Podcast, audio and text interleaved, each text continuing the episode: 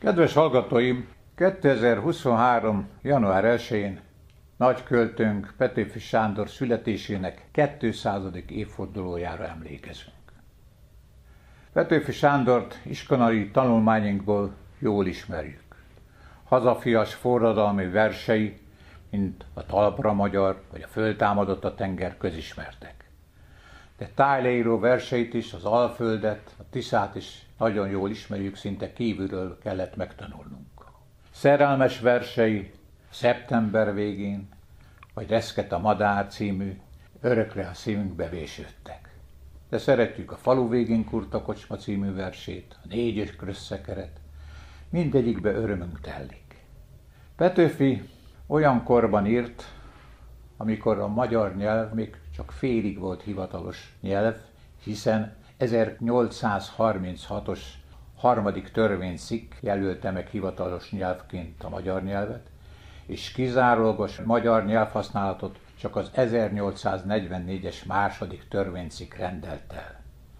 Ilyen körülmények közt írta ezeket a csodálatos verseket, legszebb magyarsággal, csodálatos gazdag szóhasználattal. Én ezen a szép évfordulón egy nagyon kedves verssel szereznék örömet önöknek. A címe Három madár. Ez a vers azért okoz örömet számomra, mert a szív, a lélek, a jókedély madarak testében valósul meg, és így adja át az olvasónak, a hallgatónak, mit is lát meg egy kis madárkában, szinte emberi tulajdonságokkal ruházi föl. Három madár. Három madár van, akit szeretek. Három madárról mondok éneket.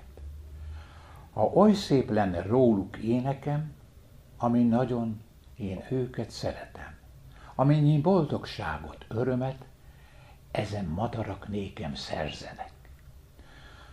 Az első madár egy kis cinege.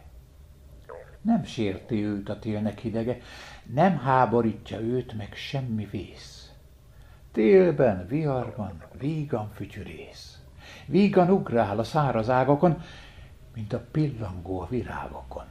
Ugrál, miként a gyermek, kontalan. Jön és megyen, máshol van untalan. Alig képes kísérni őt a szem. Kedélyedet színege, kedvesen.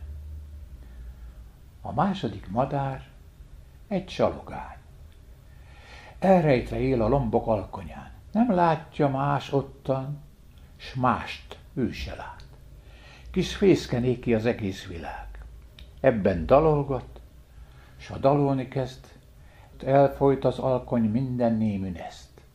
Hogy meg ne háborítsa énekét, hogy gyönyörködjék a föld s az ég. Gyönyörködjék egy dalban, ami nő hozzánk, csak legszebb álmainkba jő, amelynek minden hangja eltemet egy bánatot, és szül egy örömet, mert mindennik hang egy szent szerelem. Ez a csalogány szíved, kedvesem.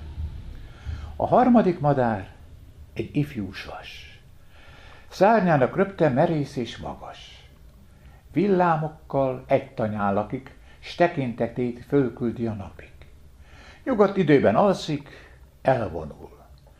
De ha vihar jön, és üvölt vadul, fölébred a sas szenderkésiből, s a viharnak karjaiba dől, és vinni hagyám magát általa, mint viszi a lovast a paripa, rémítő bátran, szörnyű sebesen.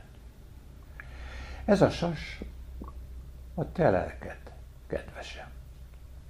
Egy gyermek, szíved asszony, és a lelked férfi. Te csodás, mesés teremtmény. És én valóban nem tudom, mi több, szerelmem vagy csodálatom. Kedves hallgatóink, Petőfi Sándor ezen szép versével tisztelgek születésének 200. évfordulója alkalmából. Meskóbánkot hallották.